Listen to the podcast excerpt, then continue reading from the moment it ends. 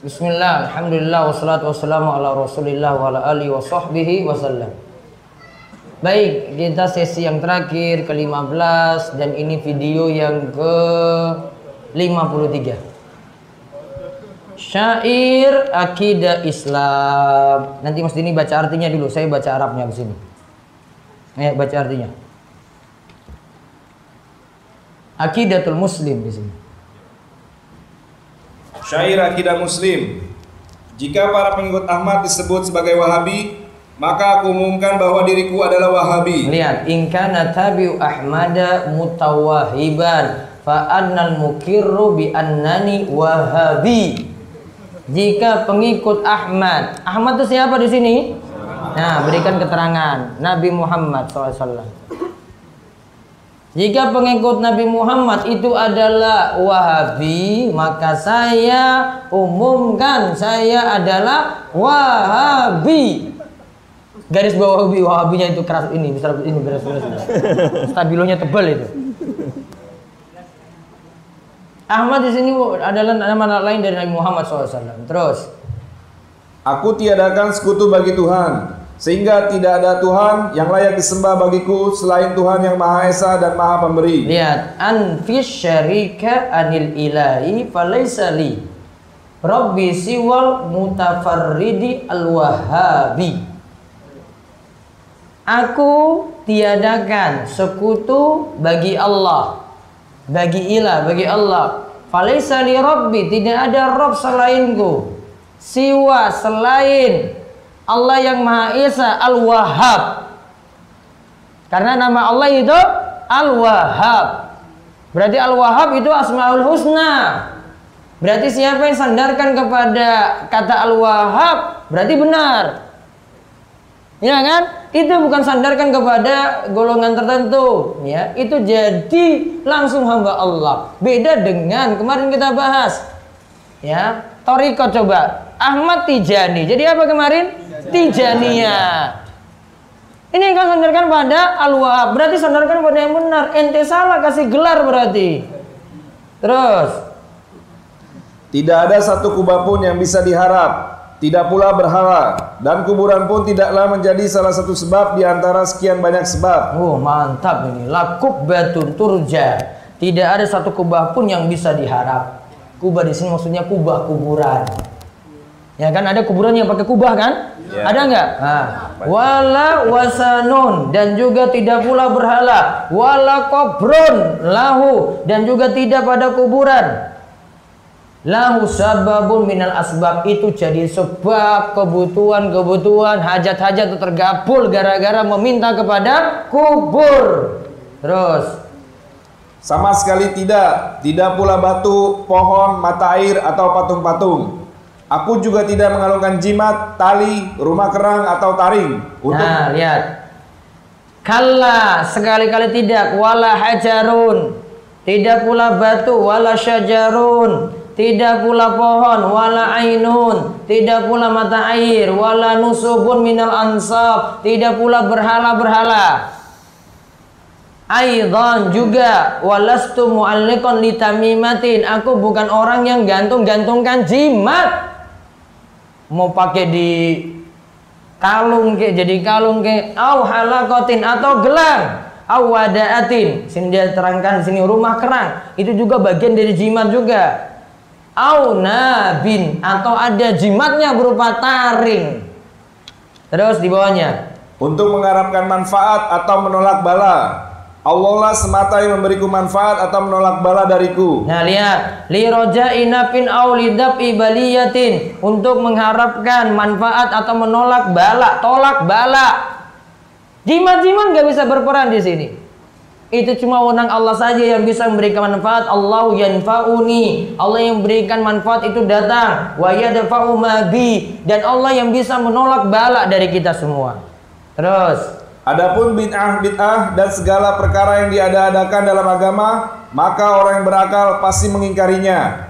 Aku berharap semoga aku tidak mendekati semua itu dan tidak mengambilnya sebagai agama bagiku. Karena hal itu adalah tidak benar. Nah, lihat. Wal ibtida'u dan bid'ah itu adalah semua perkara baru dalam agama. Berarti berikan catatan, syarat bid'ah itu ada tiga. Syarat bid'ah itu ada tiga.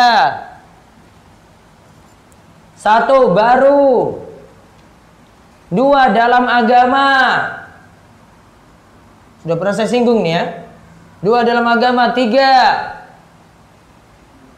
tidak ada dalil. Diulang. Satu apa syarat bid'ah? Baru. Dua. Dalam agama. Tiga. Tidak ada dalil. Berarti itu baru. Barunya dalam agama, bukan dalam hal laptop, HP. Dan ini juga tidak ada dalilnya. Ya zikirnya kalau tidak ada dalilnya ya nggak diamalkan. Salawat naria kemarin tidak ada dalilnya juga kan tidak diamalkan.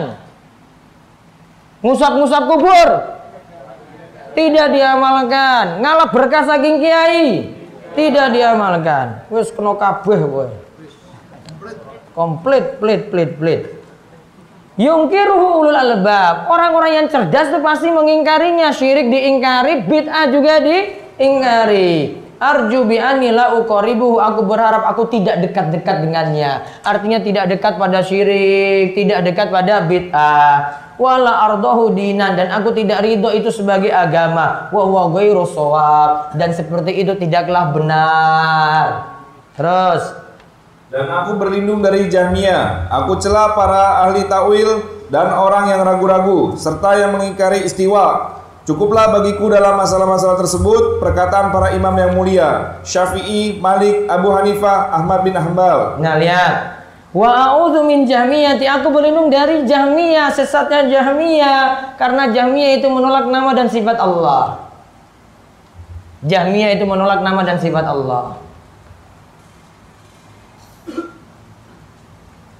Dan aku juga menyelisih ahlu takwil. Dicatat itu beri keterangan ahlu takwil yang merubah nama dan sifat Allah tanpa dalil. Yang merubah nama dan sifat Allah tanpa dalil.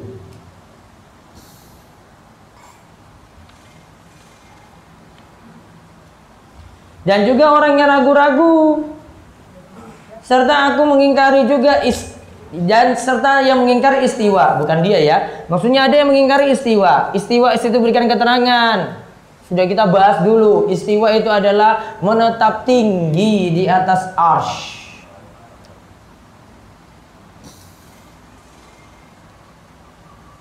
Ya menetap tinggi di atas arsh. Baiknya tidak diterjemahkan dengan bersemayam di arsh nggak boleh. Karena maknanya nanti keliru.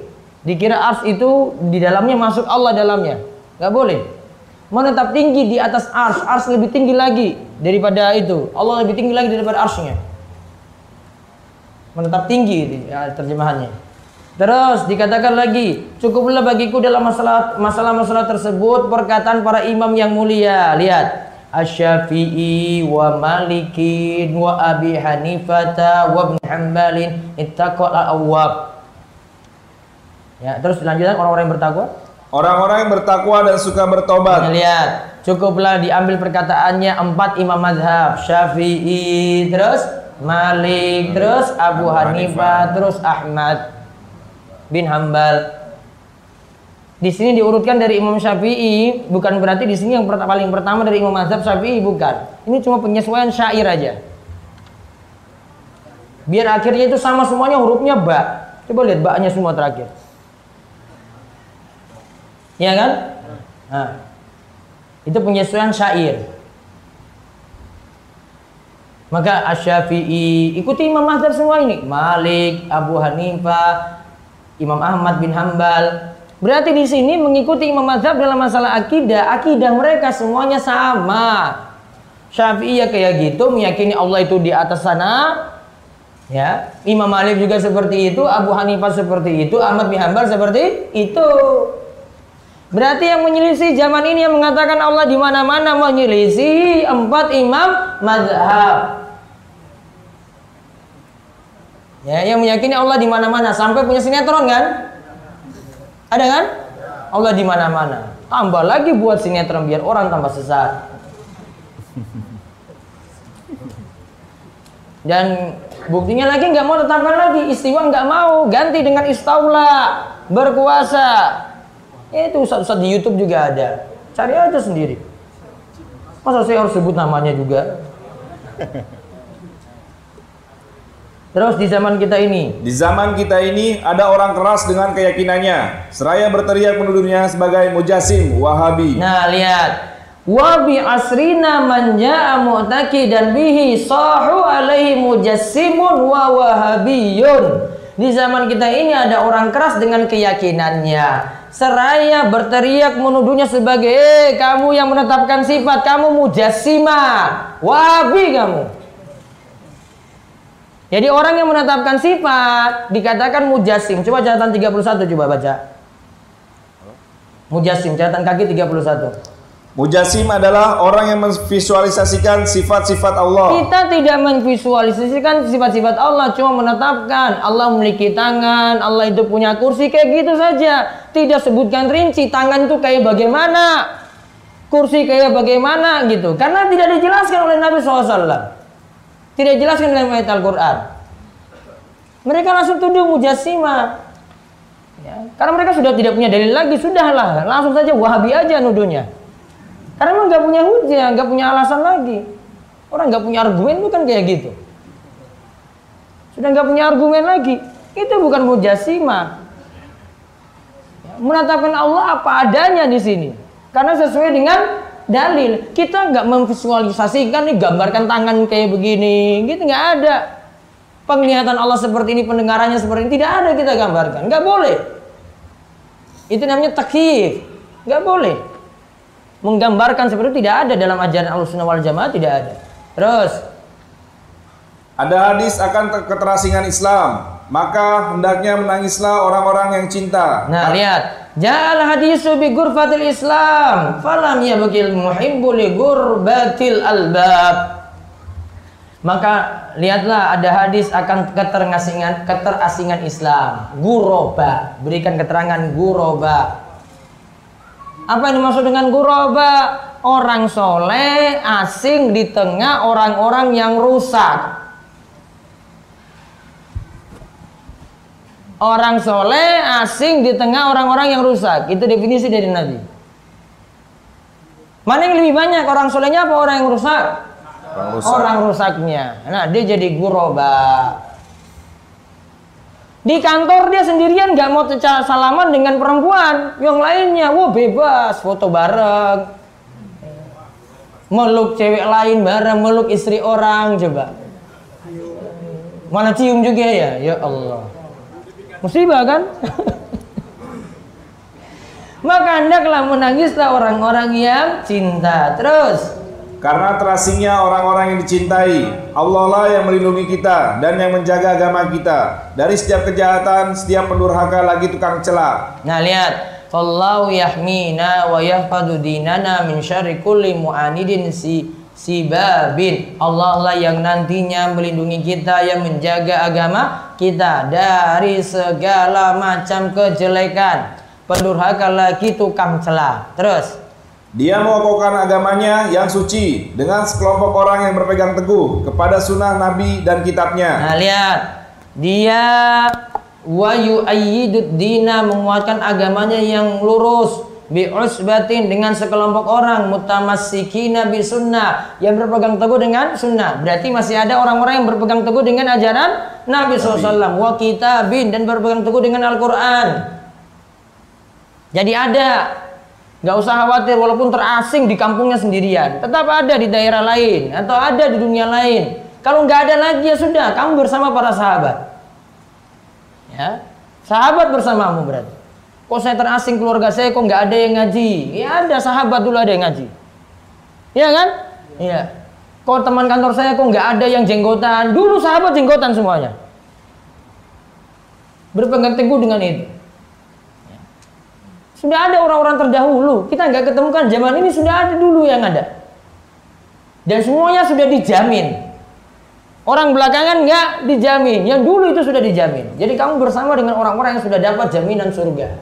Terus, Mereka tidak mau berhukum dengan pikiran mereka dan kias-kias, Mereka hanya mau merujuk kepada ahli wahyu, sebaik-baik tempat merujuk. Nah, lihat. La yaquduna bi ra'yihim. Ini aki kaidahnya lagi. Mereka tidak mau pakai logika mereka. Wa qiyasihin, jalan pikiran mereka semata. Walahum ilal wahyain. Mereka mau merujuk kepada dua wahyu, yaitu apa? Al-Quran dan hadis khairu ma'ab itulah rujukan yang terbaik jadi nggak andalkan logika logika itu terbatas ya logika itu terbatas dia pikirkan logika pikirkan ruh saja nggak bisa ruhnya keluar aja dia nggak bisa mikir ruhnya itu kayak gimana nggak usah jauh-jauh ruhnya kentutnya aja nggak bisa dia mikir kentutnya aja nggak bisa coba ini kok jadi batal ya kayak begini ya Padahal nggak keluar apa-apa di sini. Kok nggak ada wujud kok jadi batal wudhunya? Kentut aja dia nggak bisa mikir jadi pembatal wudhu. Nggak usah mikir sampai mikir Allah itu kayak bagaimana, bagaimana, bagaimana. Oh nggak bisa. Maka nggak bisa main logika kalau sudah bicarakan tentang Allah. Oh Allah turun ke langit dunia setiap sepertiga malam terakhir. Oh berarti ars Allah kosong. Logika nggak itu? Logika ngawur dia itu anggapannya Allah itu kayak manusia kalau turun dari kursi ya kursinya kosong ya enggak logika nggak bisa masuk itu kan keterbatasan manusia ini ada yang minta nih satu suara semua Ustadz, Ustadz, Ustadz 10 orang panggil serentak bisa jawab saya langsung? nggak bisa Allah bisa jawab nggak kalau dipanggil semuanya serentak? bisa itu saja sudah beda Samakan Allah dengan makhluk. Maka awalnya menolak itu karena samakan dulu logikanya. Allah itu sama dengan makhluk. Gak masuk akal menurut dia. Iya otak ente yang gak masuk. Otak saya masih masuk. Karena kamu nganggapnya dangkal sekali. Ya kan? Dia nganggapnya kan dangkal sekali. Allah turun nih, turun ke langit dunia. Dikira turun tuh kayak gitu-gitu aja. Turun kayak turun dari kursi gitu. Sudah yakini aja selesai.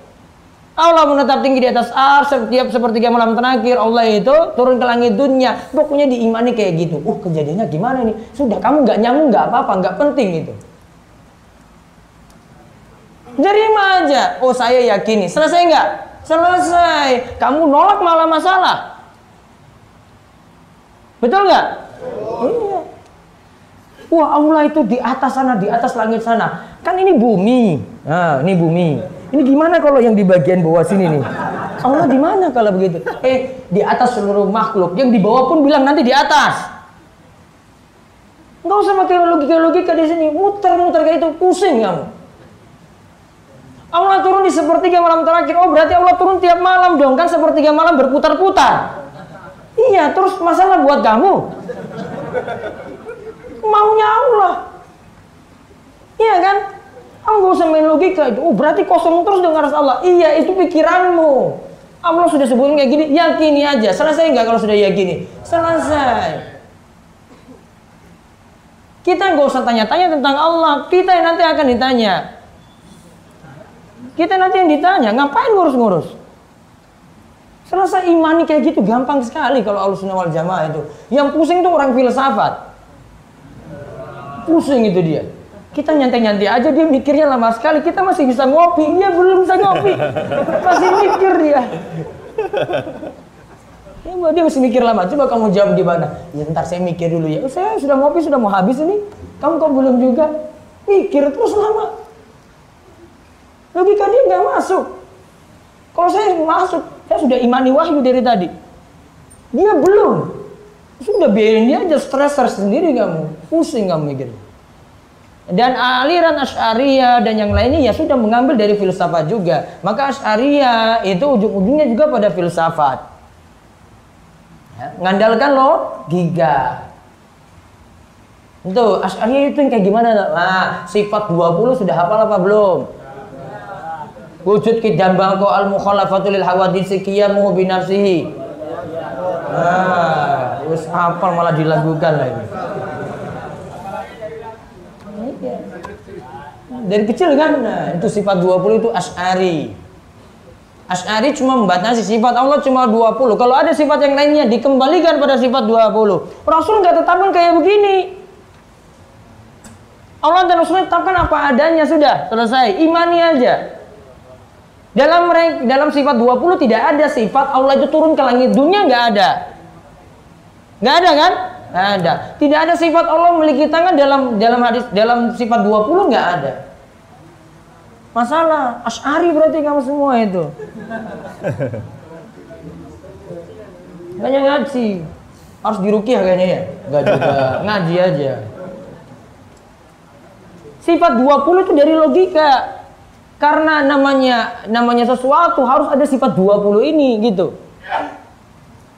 Itu dari Ash'ari seperti itu. Ash'ari sudah tobat. Imam Ash'ari sudah tobat. Kembali lagi kepada akidah al wal jamaah. Mungkin tadi karena mikirnya capek. Sudah capek saya mikir. Iya dia kayak gitu. Orang Ash'ari, filsafat mikirnya capek. Harus wal jamaah terima aja sudah. Mau meyakini Allah di atas ars sudah selesai. Kalau mereka masih mikir nih, ah nggak masuk akal ini. Saya harus mikir lagi, lebih lagi. Allah di dalam sesuatu atau Allah di luar sesuatu itu masih mereka bahas pusing-pusing gitu. Gimana kalau Allah dalam sesuatu? Bagaimana kalau Allah di luar sesuatu? Capek kan mikir kayak gitu kan? Capek. Mendingan ngopi aja daripada gabung-gabung dengan mereka. Terus lanjut lagi. Sang nabi pilihan itu telah mengabarkan tentang mereka bahwa mereka adalah orang-orang yang terasing di tengah keluarga dan teman sejawatnya. Nah, lihat, dihibur lagi di sini. Qad akhbaral muhtaru anhum annahum ghuraba bainal ahli wal ashab.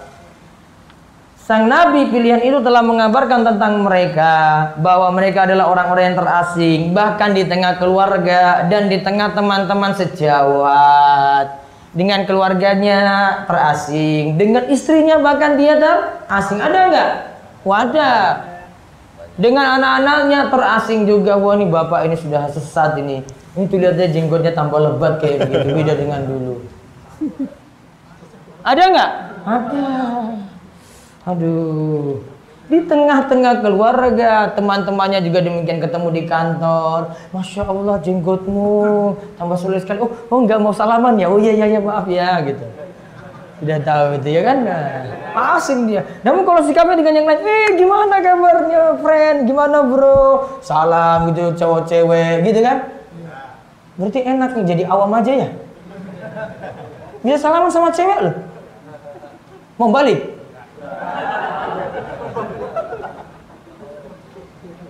Sudah syukuri aja. Dia kan belum tahu. Iya kan? Iya. Ketemu teman lama gimana? Hah? Dia belum ngaji, makanya disuruh ngaji. Artis-artisnya itu diajak lagi ngaji. Terus lanjut. Mereka berjalan di atas jalan mereka yang benar. Orang-orang yang suka berlebih-lebihan dalam beragama menjauh dari mereka. Akan tetapi kita berkata tidak aneh. Nah, kalau kita sudah ngaji katakan, wah itu biasa aja. Ah, jenggotnya baru segitu aja kok. Belum kayak sesudais. Baru dua helai, tiga helai. Wah, biasa itu. Iya kan? Sesudais. Hmm. Fine-fine aja dia kan? Fine nggak itu dia? Enjoy-enjoy aja kan? Enjoy dia. Malah penjagaannya lebih ketat daripada kita. Oh, kalau dia keluar dari jadi imam itu delapan penjaga itu jaga dia coba imam besar. Ya, ya kita jenggot kayak gini-gini juga ya gak ada yang jaga-jaga juga gak ada pengawal. Sudah. Jadi kalau ada ibumu protes bilang, Bu itu di TV si sudah itu masya Allah jenggotnya itu, uh cakep banget dia. Ya. Profesor dokter loh dia itu. Imam di Masjidil Haram tuh nggak ada gelar S1. S2, S3 itu. S3 itu dokter semuanya memang, memang rata-rata di masjid masjid besar di sana itu. Dokter. S1 ya bagian belakang itu enggak bagian depan. Gitu. Terus karena telah menjauh pula orang-orang yang diseru oleh sebaik-baik manusia. Bahkan mereka menjuluki beliau sebagai tukang sihir lagi pembohong. Padahal nah, lihat, Nabi SAW nafarul ladina da'ahum khairul wara islaqabu bisairin kadzab. Nah, dikatakan di sini. Tadi bahkan mereka menjuluki beliau sebagai tukang sihir lagi Pembohong. Mana julukan lebih parah coba? Nabi SAW atau kita? Kita baru digelari apa tadi? Wahabi. Wahabi. Nabi apa coba? Kang sihir. Tukang sihir, pembohong, majnun, gila. Lebih parah beliau. Kita masih apa? Wahabi. Belum ditambah. Kecuali kalau dia bilang dasar wahabi kamu, tukang sihir kamu, pembohong kamu. Majnun kamu. Enggak kan? Enggak sampai situ? Enggak. Nyantai aja berarti. Oh berarti Nabi cobaannya lebih berat. Kita masih biasa-biasa saja. Baru dibilang wahabi teroris. Oh ISIS kamu ya? Nyantai aja. Belum dibilang saya gila kok. Terus Padahal mereka tahu betapa beliau seorang yang teguh, memegang amanah dan janji, mulia lagi suka berkata Nah, benar. lihat. Nabi Shallallahu alaihi wasallam itu nggak ada dari orang-orang Quraisy yang ingkari beliau kalau beliau itu orang amanat paling jujur. Namun masih dituduh apa tadi? Apa tadi tuduhannya? Tukang sihir, pembohong. Padahal mereka kalau Nabi SAW ini, ini lagi berdebat ini. Siapa yang meletakkan Hajar Aswad sekarang ketika Hajar Aswad direnovasi? Ketika Ka'bah direnovasi. Sekarang ini gilirannya Hajar Aswad mau ditaruh di tempatnya. Mereka pada mau mau berkelahi ketika itu saling membunuh orang-orang Quraisy. Masing-masing kubu, masing-masing suku itu mau berebut untuk itu karena ini meletakkan sejarah, batu bersejarah. Ya. Maka mau berperang ketika itu antar suku. Terus ada yang bermimpi kemudian beritahu, "Eh, saya punya usul. Tunggu nanti ada yang keluar dari pintu sana, nanti dia yang keluar, ini orang ini orang baik. Dia lebih pas untuk meletakkan Hajar Aswad tadi. Keluarlah Nabi kita Muhammad Shallallahu alaihi wasallam. Keluar terus semua ketika itu serempak, iya betul, ini dia orangnya, ini baru kami mau. Semua ketika itu diam, mau manut saja pada Nabi SAW juga. Namun ketika wahyu datang pada Nabi Muhammad SAW, itu sebelum wahyu turun. ya. Mereka ingkari, bilang Nabi pembohong, bilang Nabi tukang sihir dan seterusnya. Sebelumnya kalau peletakan Hajar Aswad tadi apa mereka? Terima itu. Itu dia, dia yang pas. Dia sudah dikenal jujur, dikenal amanah coba lihat. Nggak ada yang ingkari beliau. Namun karena masalahnya ini ajaran beliau nanti bertentangan dengan tradisi orang-orang Quraisy ditolak karena itu. Ya, Itu karena itu saja bertolak belakang dengan tradisi mereka. Seandainya tidak bertolak belakang, wah diterima itu. Nah, kurangnya kita, ya, kita menyampaikan hal ini, mungkin kita itu kurang akhlak di rumah dengan orang tua berkata kasar misalnya, anak membicara kayak gitu ya sulit. Gak mau nurut pada orang tua, disuruh kuliah yang malas-malasan misalnya, IP-nya tiga ke bawah, misalnya. Senangkan orang tua dulu, wah anaknya bagus. Kalau ngomong kan, uh masya Allah anakku itu pintar banget, dia ngaji, ya ngaji terus kayak begitu. Namun IP-nya bagus, wah kan jadi kebanggaan orang tua. Ya. Ini kalau sudah nggak serius, nggak mau ngaji, nggak ini lagi, coba lihat, nggak mau belajar, gimana yang disalahkan apanya coba? Oh tuh gara-gara ngaji gitu. Akhlaknya sudah nggak dituntut di situ. Terus Semoga Allah melimpahkan salawat untuk beliau selama angin masih berhembus, juga untuk segenap keluarga dan para sahabat beliau. Karya Mula Umron. Nah, sudah selesai. Nah, terus diberi catatan catatannya di belakang. Catatan, Mula Umron adalah seorang penyair. Dulu dia adalah seorang penganut agama Syiah. Nah, di garis bawah itu penganut agama Syiah dulu. Masya Allah, tobat itu coba lihat. Buat syair seperti itu. Terus, Kemudian Allah memberi hidayah kepadanya hingga dia pun masuk ke dalam barisan Ahlus Sunnah wal Jamaah. Dia menumpahkan isi hatinya di dalam syair yang penuh dengan ketauhidan. Ketauhidan yang selalu diperintahkan oleh Allah untuk dipegangi segenap hambanya dan yang selalu dijadikan objek pembicaraan para rasulnya dan para imam yang empat. Semoga Allah memberi keridoan kepada mereka. ya dan juga memberi keridoan kepada kita semuanya. Alhamdulillahirobbilalamin selesai daurah kitab tauhid ini materi terakhir bahasan ke-53 pada tanggal 11 Rabiul Awal ya jam 11.12 di Darussolihin Panggang Gunung Kidul.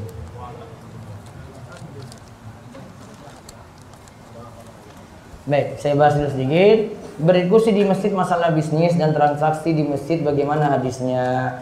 Baiknya tidak dibicarakan karena Nabi SAW itu mengatakan siapa yang menemukan yang lain berjualan di masjid katakan kepadanya semoga Allah tidak memberikan kepadamu keuntungan semoga Allah tidak memberikan kepadamu keuntungan berarti tidak boleh Tiga amalan yang tidak terputus sodako jariah ilmu yang bermanfaat dan doa anak soleh. Berarti doa orang lain tidak sampai nyampe. Ini cuma menyebutkan tiga amalan seputar itu. Yang lainnya masih ada. Doa kita kepada orang lain yang sudah meninggal dunia juga nyam, nyampe. Contohnya apa? Doa ketika sholat jenazah. Masa ada syariat sholat jenazah dan Nabi punya doa untuk orang yang meninggal dunia kok nggak nyampe doanya? Sepakat ulama doa itu nyampe pada orang yang meninggal dunia. Bagaimana adab mendoakan keselamatan kepada mayat di kuburan? Apa boleh kita jongkok di depan kubur dengan menghadap kiblat kemudian mendoakannya? Boleh. Namun dengan baca doa ziarah kubur tadi sudah termasuk. Di kampus saya kalau wisuda saat rektor masuk ke aula kami diperintahkan untuk berdiri. Lalu apa yang ha yang harus saya lakukan? Antum jangan cari di kursi saf depan. Sudah tahu solusinya nanti ya. Ustadz kita dilarang untuk menuliskan nama-nama di atas kuburan lalu bagaimana cara kita menandai kuburan keluarga dan seterusnya Insya Allah masih bisa cuma dengan dengan tanda-tanda tertentu saja seperti batu tadi ya, tidak usah pakai tanda-tanda dengan tulisan itu lebih aman Wallahu a'lam Apakah jika di atas kuburan terdapat bangunan bisa berpengaruh buruk pada penghuni kubur di bawahnya? Saya nanti coba cari hadisnya. Saya lupa hadis ini tentang masalah masang sesuatu bangunan di atasnya itu ada kaitannya dengan orang itu bangkit nanti pada hari kiamat. Masalah kuburan yang ditinggikan Ustadz baru enam bulanan yang lalu yang diberi kicing sama keluarga saya. Apa mungkin perlu kita bongkar? Perlu membongkarnya ketika dengan persetujuan keluarga besar. Gak bisa dengan inisiatif sendiri. Nanti kamu dituduh ISIS. Lebih bahaya lagi. Mutorotnya lebih besar. Timbang-timbang. Kita dilarang untuk membangun bangunan di atas kubur. Lalu bagaimana dengan kubur Rasulullah yang ada bangunannya di atasnya? Kamu terkena hoax.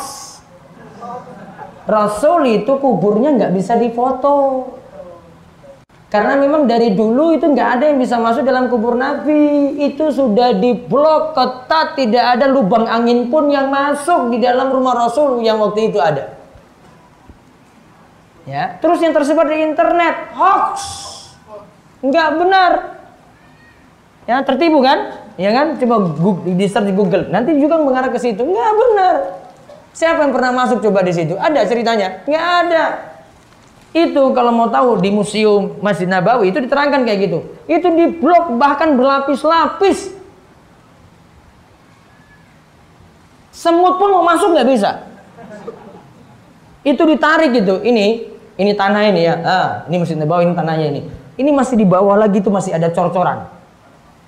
Tarik ke atas lagi sampai kubah hijau yang di atas itu. Menandakan itu memang bangunan terpisah, nggak ada di situ digunakan untuk area sholat. Ini kalau sini area kiblat misalnya ini, nah ini, ini sekitar ini pun bukan area sholat ini. Ini terpisah oleh jalan, nah itu baru bangunan lagi di sana. Dijaga ketat di situ. Nggak ada yang boleh macam-macam, mau sholat situ nggak boleh. Ada lagi tengah di bawah itu.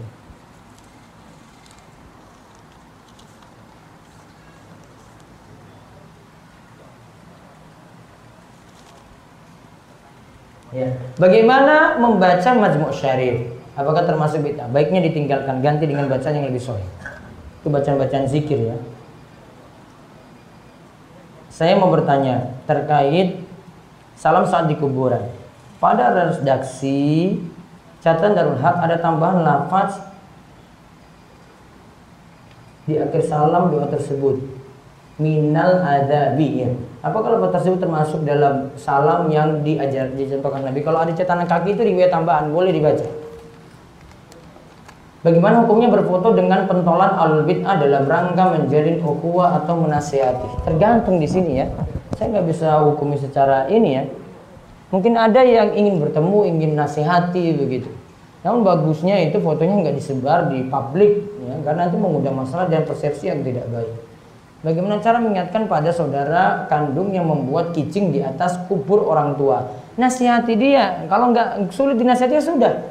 Ingat pertimbangkan antara mudharat gitu. Saya tetap jalin hubungan keluarga dengan dia ataukah saya protes ini terus dari dulu.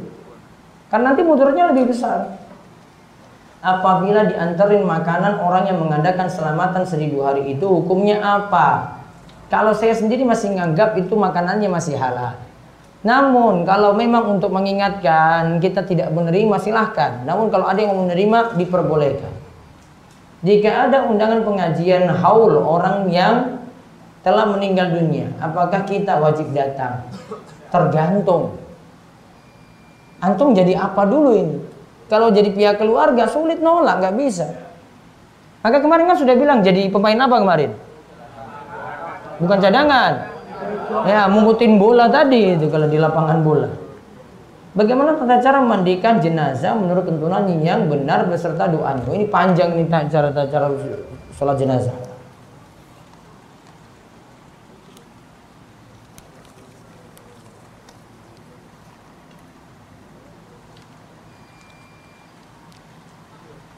Apa itu hisbi Ustadz? Hisbi itu ya golongan yang terlalu fanatik pada golongannya sendiri.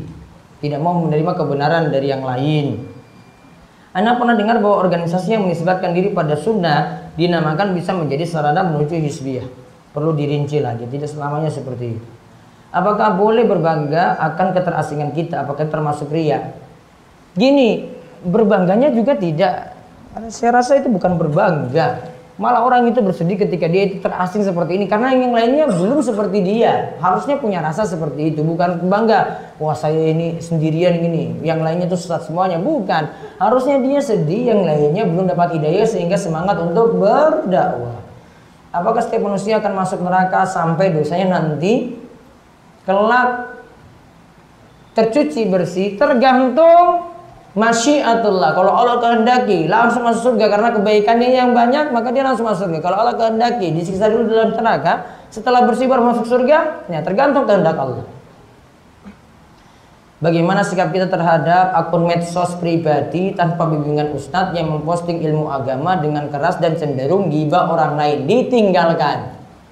Bagaimana sikap kita sebagai seorang santri yang baru belajar dalam menggunakan medsos, IG, Twitter untuk posting ilmu agama, terutama dalam hal akidah seperti Firqatun Najiyah ini.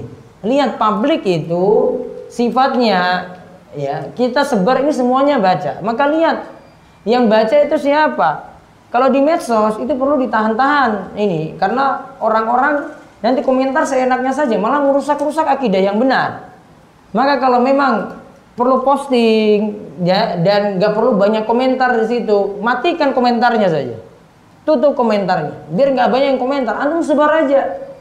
Namun nggak perlu ada yang komentar. Karena kalau di medsos semuanya sok pintar. Nggak pernah ngaji nggak pernah kenal ilmu agama. Namun kalau sudah kena postingan kayak gitu uh, komentar aja seenaknya. Kalau dapatnya kayak gitu terus dia blok aja orang kayak begitu. Capek lah ya ini dia. Bolehkah memberi nama pada kuburan dengan maksud agar anak cucu tahu di mana kuburan orang tuanya atau saudara jauh? Cuma beritahu saja ini tempatnya di sini sudah cukup. Walau alam kalau bisa menghindari dengan nama mungkin lebih baik.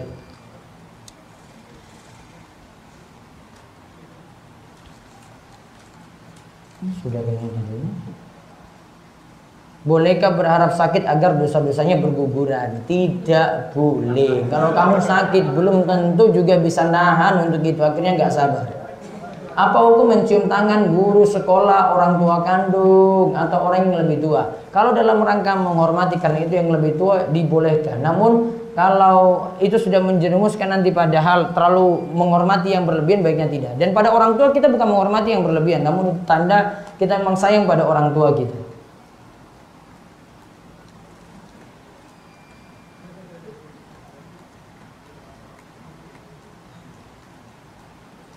Bacaan Al-Quran kepada mayit dikiaskan sebagai sodako. Bagaimana penjelasan tersebut ya Ustaz?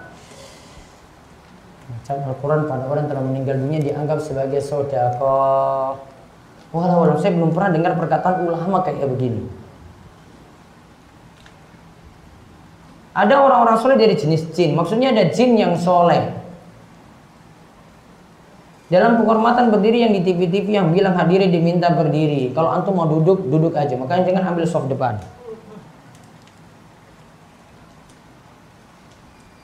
Siapakah Syekh Abdul Qadir Jailani? Orang soleh. Namun yang jadi orang-orang di bawahnya menyingkapi beliau yang salah.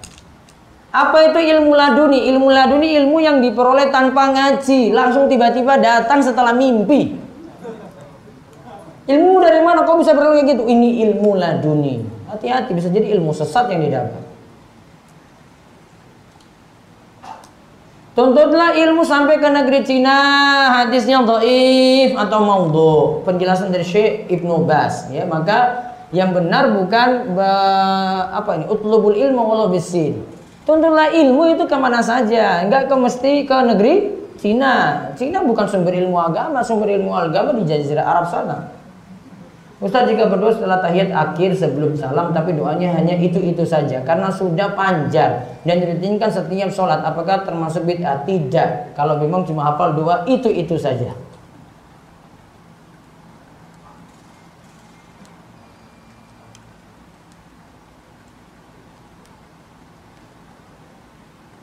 Bolehkah seorang kakak memarahi dan memukul adiknya yang tidak patuh saat diperintahkan menjalankan sholat wajib? Dipukul tidak boleh dengan dengan mungkin di jiwit aja itu sudah kita itu sudah tahu itu kalau orang itu salah. Mohon bantu diingat kembali ada akhwat yang mengambil video akhwat lain saat kajian. Kami yang terekam merasa keberatan dan tidak ridho. Ya akhwat lain nanti tolong dihapus gambarnya. Dosen saya menyuruh mahasiswa satu kelas untuk tilawah Al-Quran 10 menit setiap sebelum mata kuliah tertentu. Apa kali ini termasuk bid'ah? Kalau tujuannya untuk bisa baca Al-Quran, mengajarkan, memahami tafsirannya, boleh-boleh saja. Baik, itu saja. Nanti jam berapa ujian? Habis asar apa setengah tiga?